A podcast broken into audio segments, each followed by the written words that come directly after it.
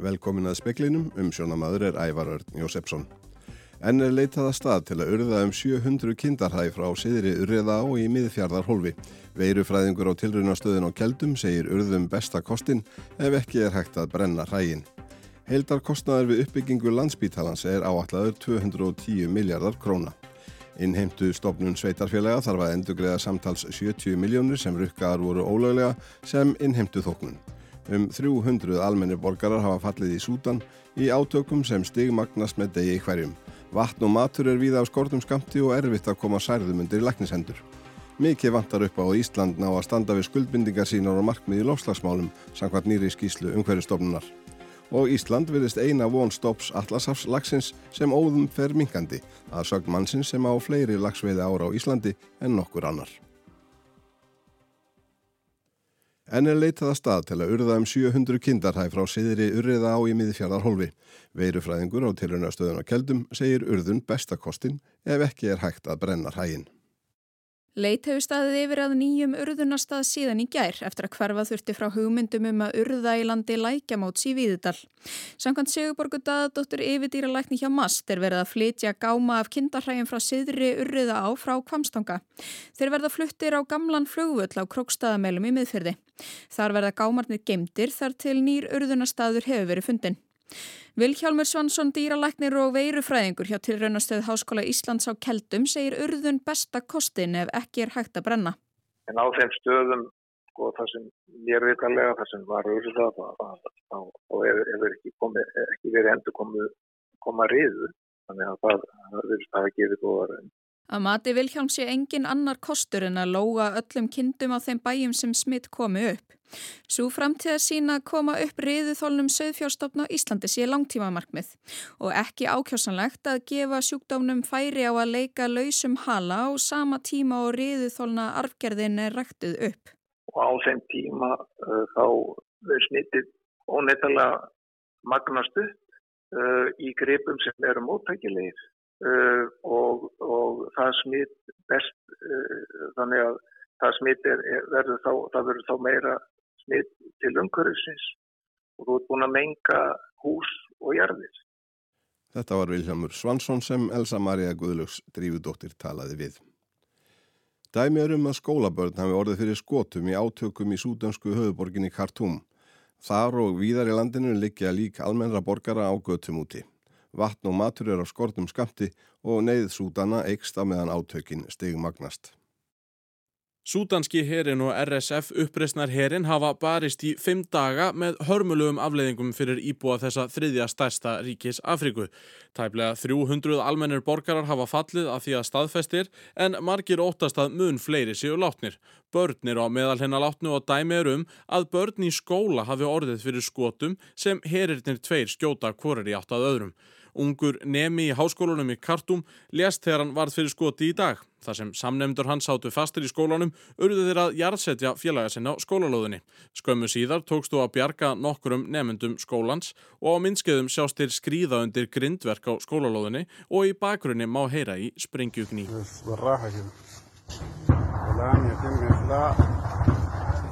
طلبت جامعة الخرطوم بعد حصار دام أربع يوم واحد واحد يا شباب واحد واحد Tilraunir ríkja heims til þess að leiða fríðarumleitanir hafa engan árangur borið.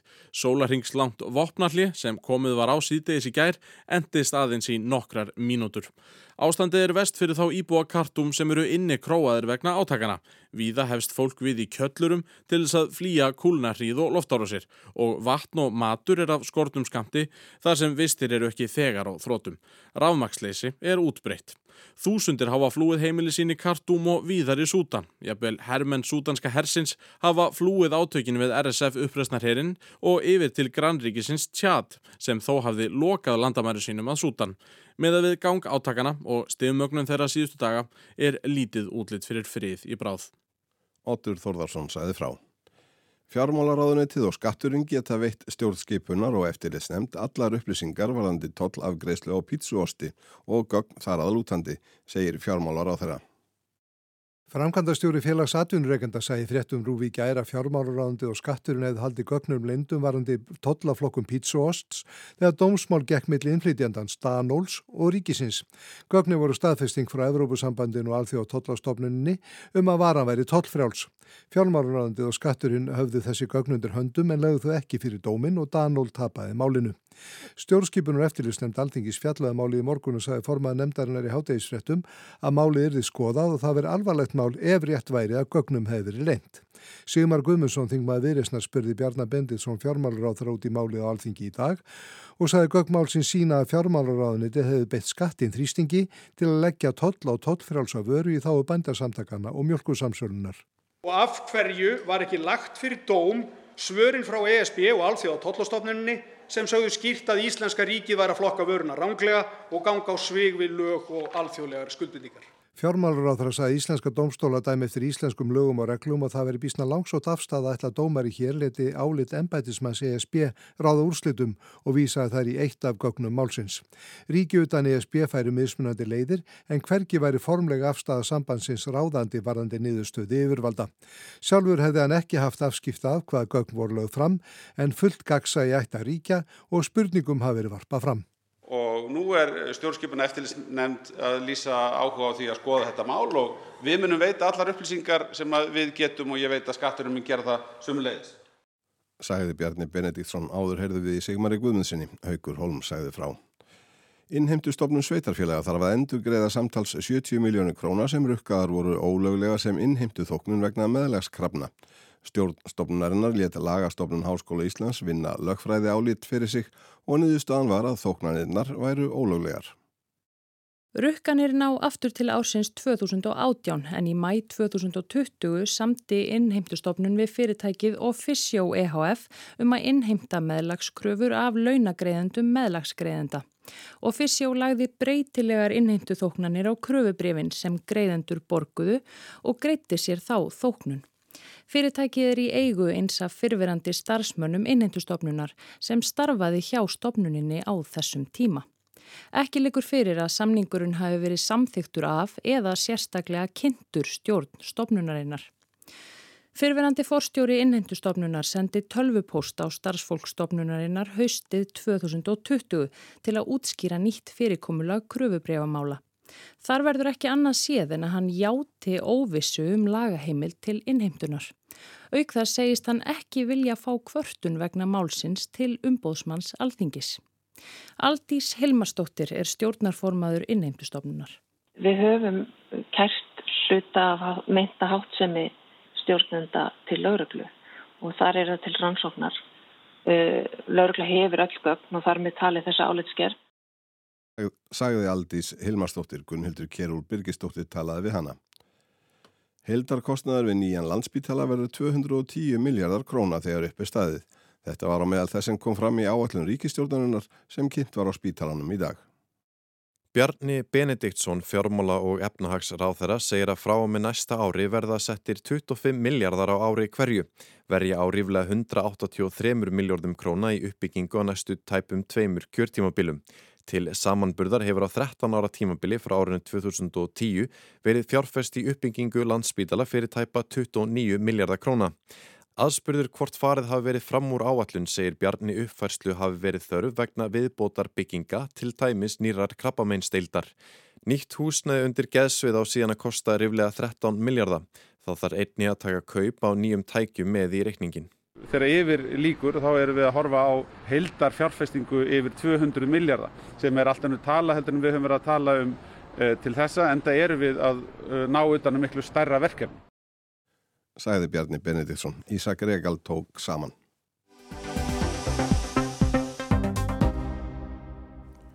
Heildarlósun gróðurhúsaloftegunda hefur aukist um 6% frá árunnu 1990 hér á landi. Búist er við því að lósun Íslands hafi aukist á síðast ári en Íslendingar lósuðu 14,1 miljón tonna af koldioksíði árið 2021.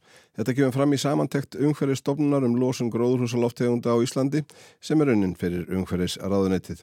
Í henni er því spáð að Íslendingar ná að minka lósun um 24% fram til ásins 2030 en Ísland hefur skuldbundið sig til að minka hana um 29% og það sem meira er þá eru þessar skuldbindingar í þann mynd að hækka að líkindum upp í um það byl 40% samdrátt. Það er því ljóst að Ísland er fjarið því að standa við gildandi markmið og skuldbindingar gagvart Európusambandinu en fjarið því að standa við væntalega skuld, skuldbindingar sínar gagvart sambandinu í framtíðinni og við fjari en metnaðarfyllir í markmiðum íslenskra stjórnvalda um 55% samdrátt. Er einhver leið til þess fyrir íslensk stjórnvald að ná þessum markmiðum? Hafdís Helga Helgadóttir bar það undir Sigriði Rós Einarstóttur, sérfræðing á sviði loslasmála hjá umhverjastofnun. Já, sko, spáinn okkar um 24% samdrátt er rauninni mjög varfærin spá þar sem við e, tökum til greina þar aðgerðir sem hægt er að meta tölulega en þetta eru mjög margar aðgerðir í samfélaginu og þegar gildi sem er ekki hægt að meta tölulega og munu vera viðbót við þetta en svo má líka líta á þetta bara sem tækifæri til að e, herða aðgerðir og koma fleiri aðgerðir til að við náum þessum 55% markmið. Talandi um þetta 55% markmið er til einhver sviðsmynd þar sem að, að það er teiknað upp hvernig við getum náð því? Uh, við hefum í rauninni ekki gert það, þar sem að í rauninni okkar verkefni er að taka það sem er nú þegar til staðar og meta hvaða munir skil okkur. Þetta væri áhugavert að skoða ef maður getur sett inn fleiri aðgerðir, uh, hvernig við getum náð þessu 55% markmið. Þannig að þið hafi ekki verið beðin um að reyna þá út hvernig er hægt að ná markmiði ríkstjórnarinnar? Ekki nákvæmlega, þetta er, þetta svo rosalega fjölbreyttir flokkar í losunarbókaldum, við erum með veist landbúnað og úrgang og elsniti og efgöð, þetta er rosalega fjölbreytt þannig að það er líka þyrrt alltaf að skoða í samingi þú veist hvar ætlum við að e, einbjöta okkur með aðgerðina, í hvaða flokkum við ætlum að gera það. Er einhverju sérstakar aðgerð sem þú vilt sjá að verði ráðist í strax? E, það er kannski, við erum að sjá, sangat okkar spá, er talsverð samdráttur í orgu og úrgangi og kælumiðlum Eh, því miður er það landbúnaðar kannski svo eini geinin sem við erum að meta það sem við erum ekki að sjá neitt samdrátt út tímabilið og, og væri mjög gott að sjá meiri samdrátt þar. Sagði Sigriði Rós Einarstóttir við talvi Hafdísi Helgu sem talaði líka við Guðlaug Þór Þórðarsson umhverjusráð þeirra og spurði til hvaða aðgerða ríkistjórnin hafi gripið til þess að standa við skuldbindingar íslenska hvart Európusambandinu og ná eigin enn metnaðarfyllri markmiðum. Þetta er náttúrulega eins og við vitum, þetta er þrennskona bókald, uh, stóriðjan og flugið er, bara, er eins og önnu fyrirtæki í, uh, í Evrópu með Evrópusambandsríkjónum og Noregi inn í sínu kerfi og síðan ertu með Lúlísef sem er skórættan og landgræsla sem er sömuleiðis uh, þar ef þannig morðið komast. Svo er það beina ábyrð Íslands sem okkur virkilega liggur á. Og þar eru við að líta fyrst og fremst á, á samgöngur því það er það sem er undir. Eh, það er eh, úrgangsmálinn, eh, það er landbúnaðamálinn og það er sömuleiðis efnin. Og við erum að vinna alla þessa hluti með þeim aðilum sem, sem að munum framkvæma það. Og við munum sjá það núna strax í sömar að þá verður grænþing þar sem við förum yfir þessa þætti. Og þetta mun verða síðan grunnuna nýri aðgerra állin en er, við erum að, að vinna hratt og við getum. En öll svona verkefni eru þess eðlis og þú getur ekki gengið frá þessu á eh, skrippborun í ráðunitinu þú verður að vinna þetta með öðrum. Og ef þú ætlar að ná árangri þá verður að undirbyggja það mjög vel. Og síðan er þetta hinþátturinn að því orkusskipning gangut á það að þú ert að taka út bensin og dísel í okkar tilfelli og setja grænork í staðin og þess vegna erum við meðal annars að vinna í vindorkumálunum sem voru kynni í dag en á sama hátt að þá höfum við líka uh, klárað uh, ramman í fyrsta skipti tíu ár, einfalda regluverk til að stækka virkjanir og spara orku. Þannig að eh, það er mjög margt í gangi eh, og, en það er hins vegar ekki allt saman komið þarna inn í þetta bókald. En sko í raun eru við bara að sjá samdrátt í orkumálunum í þessum tölum sem eru byggðar á aðgerðaraföllun stjórnvalda. Eru við þá að fara að sjá einhver risaskref á öðrum sviðum í nýri aðgerðaraföllun? Ég á nú vona því að við sjáum hérna umtalsu skref. Þetta er, nú, þetta er rauninni margir litli hlutir. En ef við nefnum til dæmis ringar á samálun að e, þá hefur við gríðarlega möguleika vegna þess að við bara stöndum okkur einfallega ekki vel. Og hefur, við erum 90% okkar, okkar hagkerfi er línulegt. Og við þekkjum það allir sem hafa búið til lengri og skemstíma í öðrum löndum að mennir að standa sér betra, betur alla jafna í þeim málum. Svo eitt dæmi sé tekið. Þannig að, en það er ekki einn lausn í þessu þetta er mjög margt og þetta þýðir uh, og það er eina leiðin. Það er bara samvinna margra aðila og ekki síst uh, atvinnlýfsins eins og sannlega almennings líka.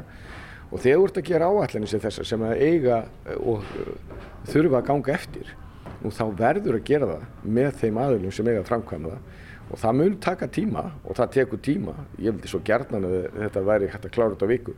Það er bara ekki þannig þú veist að þegar að aðilar þurfa að vinna að gera hluti sem ekki gerðir áður og þurfa að gera það saman að þá tekur það alltaf tíma. Það er svo vinna hefur sem betur ekki gengið vel en hún sést ekki í þessu uh, bókalsgögnum og ekki þessum sviðismyndum vegna þess að ekki, þetta, þessi hluti er ekki komin að fulla út í framkvæmda.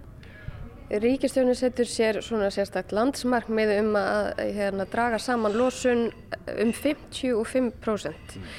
Við erum að ná samkvæmt þessum tölum, já kannski 24-26%. Hvaðan kemur þessi tala, 55%? Já, ég, þú verður að spyrja aðra því. Mitt verkefni er að, að gera allt hvað ég get þess að sjá til þess að þessi hluti komist í framkvæmd. En er eitthvað von á því að þeir komist í framkvæmd eða eru engar sviðsmyndir sem að teikna upp þann möguleika eða gera ráð fyrir honum? Ég var að reyna að útskýra það að sviðismyndinar eru settar byggðar á því að eh, tillögurnar eða, eða, séu, eða að, að hlutir séu komni fullu til framkvæmda. Þá eru það settar inn í sviðismyndina, fyrir ekki. Þetta er mjög varfærislega nálgun en ég held að það sé skynsanleg. Sko þannig eru samt svona rópandi hlutir eins og landbúnaður, sjávarútvegur og, og fleira sem að, og, og yðnaður og efnanótkun sem við sjáum ekki að umhverfistónum gerir ráð fyrir því að verðin er samdráttur að viti e, byggt á þá þeim aðgerðarallum sem að, að ríkstjónin hefur gefið e, út nú þegar. Hvað ætli það að gera? Já, það sem við erum að gera og vinna með öllu þessum aðlum, eh, ekki síst eh, bændarsamtökunum eh, og sjáuröfdögnum sem að vísu hefur náða alveg gríðarlega góðum árangri í að draga saman losun á, á undanföllum árum að taka næstu skref. En það kemur ekki fram í þessu, ekki frekar en dæmi eins og til dæmis með það að aðger okkar varandi stóru bíluna sem við erum aftalegi og sömulegis með bílalegu bíluna, þetta er ekki komið inn í þetta bókaldi eða þessar sviðismyndir en við munum sjá þetta á, á næstu árum. En svona rétt varðandi bara ímynd okkar út á við þegar við erum að reyna að semja okkur frá skuldbendingum en við erum samt sem aður með mjög háleit markmið eh, eins og 55% eh, hérna sína, kemur það ekki illa út fyrir okkur hennilega? Nei, við höfum mjög góða málstafari og ég veit ekki hvað er að vísi til að vera, þegar við erum að tala um að, að semja okkur frá skuldbendingum semja okkur frá eins og auka greiðslum í, í millilandaflugi og, og fleira? Málið er bara mjög einfalt að það eins og þetta liggur fyrir núna að þá bara á íslensku þetta er bara mjög ósangjart og þetta munum ekki gera neitt fyrir loftlagsmálinn og koma kemur alveg einstaklega hart niður á Íslandi. Eh, þannig að eh, það hafa aðri verið að geta hagsmuna sinna og við þurfum auðvitað að gera það líka. Sæði Guðlugur Þór Þórðarsson í samtali við Haftísi Helgu Helgadóttur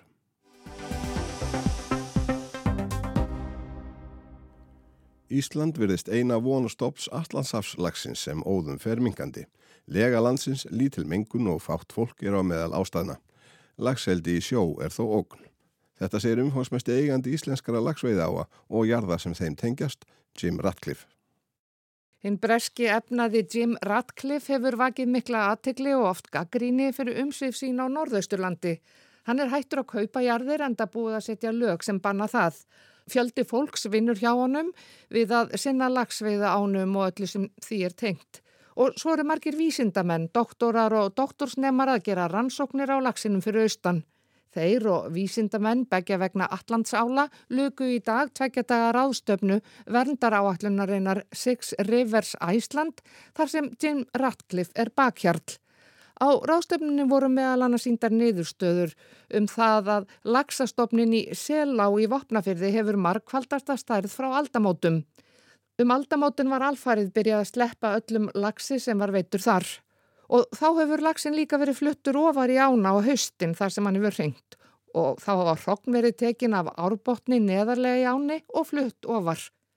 Við höfum skoðað fæðuna í áni, segir Radcliffe, og við vitum að hún er ekki upp á sitt besta, Nú er því verið að gróðsetja tré og annan gróður til að auka fæðuvalið í ánum. We know things about the level of food in the river. We know the level of food in the river is probably not optimum. We, we could do more with that. So there's a lot of... Allt er þetta gert fyrir stopnin. Jim Ratcliffe segir ástand lagsveiða á norðausturlandi gott en að aðrar ári kringum norðurallandshafið séu í hnignun og hafi verið það undanfarna áratýji.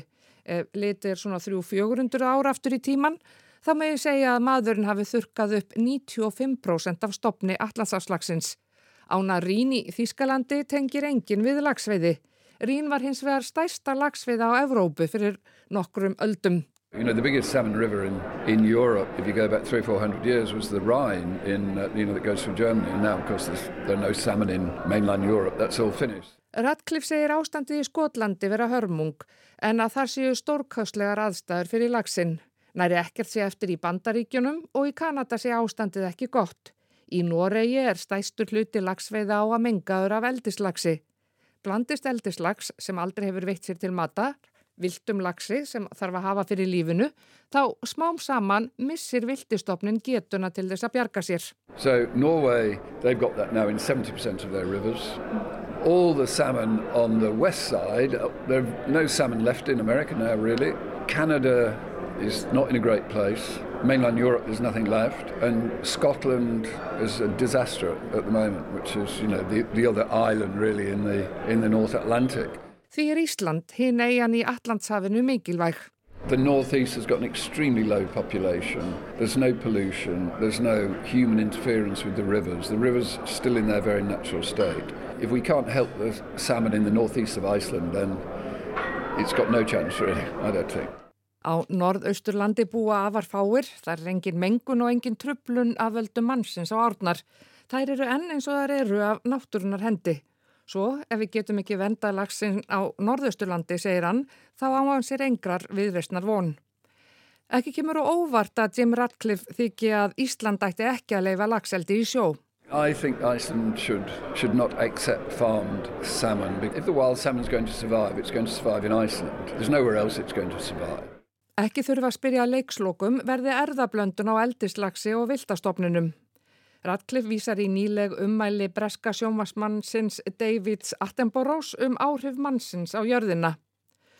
Nú er samanlegaður massi og þyngd jarðarbúa og búfjörð þeirra 96% af þyngd allara dýra á jörðinni, segir Attenborough. Það þýðir í rauninni að maðurinn hefur þurkað út flestar dýrategundur á jörðinni og skipt þeim út fyrir mannin og búfja hans. Radcliffe vill að maðurinn eigi að deila jörðinni með sumum öðrum tegundum sem líka búa hér og hann segir viltalagsin dýrðilega skeppnu sem manninum ber að venda og reyna að bjarga. Which says really that we, we've sort of wiped out most of the natural species on the planet and we've replaced it with humans. But, you know, I think we should share the planet with, you know, some of the other natural inhabitants. And the wild salmon, I think, is a glorious species and we should protect it and try and preserve it sagði Jim Ratcliffe. Þórdís Arljósdóttir tók saman. Tæpur mánuður er þangað til meira en 40 európskir þjóðarleittóar koma til Íslands á leittóafund Európaráðsins þann fyrsta sem haldin er í 18 ár og aðeins hann fjörða í sögur ráðsins. Ísland fer nú með formensku í Európaráðinu og stór hluti af undirbúningi fyrir leittóafundin hefur fallið á fastanemd Íslands í höfustöðum Európaráðsins í Strasbourg í Fraklandi. Björn Malkvist, frettamæður, er í Strasborg og rætti í dag við Ragnhildi Arljótsdóttur sendi herra sem fer fyrir fastanemdini. Ragnhildur, þú varst að koma að fundi fastu fulltrúa hjá Európaráðun sem að, fundi sem að þú stýrðir út af, út af auðvitað formensku Íslands. Það er vantalega mest talað um letuafundin í Reykjavík, ekki satt? Jú, það er svo sannarlega og þetta er svo kallur áþara nefnd sem að hittist hérna miskusti einsun í viku og þar erum auðvitað ímslegt á dagskrá en núna þá er það fyrst og fremst að verða leiðtóafundurinn og samþyktir sem við erum að undirbúa fyrir eh, leiðtóafundin. Ef veltekst til þá verða samþykt í Reykjavík, eh, svo kallur Reykjavík Declaration og fleiri skjöl sem að ef veltekst til verða kend við Reykjavík í framtíðinni. Þetta er eins og Þú veist, eh, einugis fjörði leittófundurinn í, í sögu Evróparásins sem mm. verður 75 ára á næsta ári. Síðasti leittófundur var haldin í Pólandi fyrir 18 árum þannig að þetta, það er gríðarlega mikil áhugi á þessu og löndin 46 auðvitað mjög áhugasum og Og þessi fundur er að sjálfsögðu haldin í skugga innrása rúsa í Ukrænu, innrása sem er enda var til þess að rúsum var vikið úr Európaráðinu í fyrra sem var í, í fyrsta skipti sem að þjóðir formulega vikið úr þessu ráði. Það er hárétt. Það var stóra ákverðun og uh, tók auðvitað á en ég var mjög stolt af því hvað stofnunin var einhuga í því og Ísland stóð að sjálfsögðu að baki þeirri ákverðun mm. og vegna þessa ástand sem er uppi í Evrópu eftir innrásrúsa í Úkrænu að þá eru málefni í þá Úkrænu náttúrulega í uh, algjöru forgrunni hjá okkur í vinnunni. Og ég vona að það verði nokkra samþyktir í þáu Úkrænu sem að verði lagðar fyrir Reykjavíkuleið tófundin og það ennú þannig til dæmis að fundir áþrannemndarinnar hérna í dag að þá er fulltrúi frá skrifstofu Selenski, fórsetta Úkrænu, inn í herbygginu vegna þess að hann er að fylgjast með og ekki bara fylgjast með, heldur taka aktívan þátt í því hvernig við orðum samþyktir og lausnir í þá Úkrænu hvað, hvað, er við, hvað er í undibúningi hvað Úkrænu varðar fyrir leðtofafundinir Reykjavík?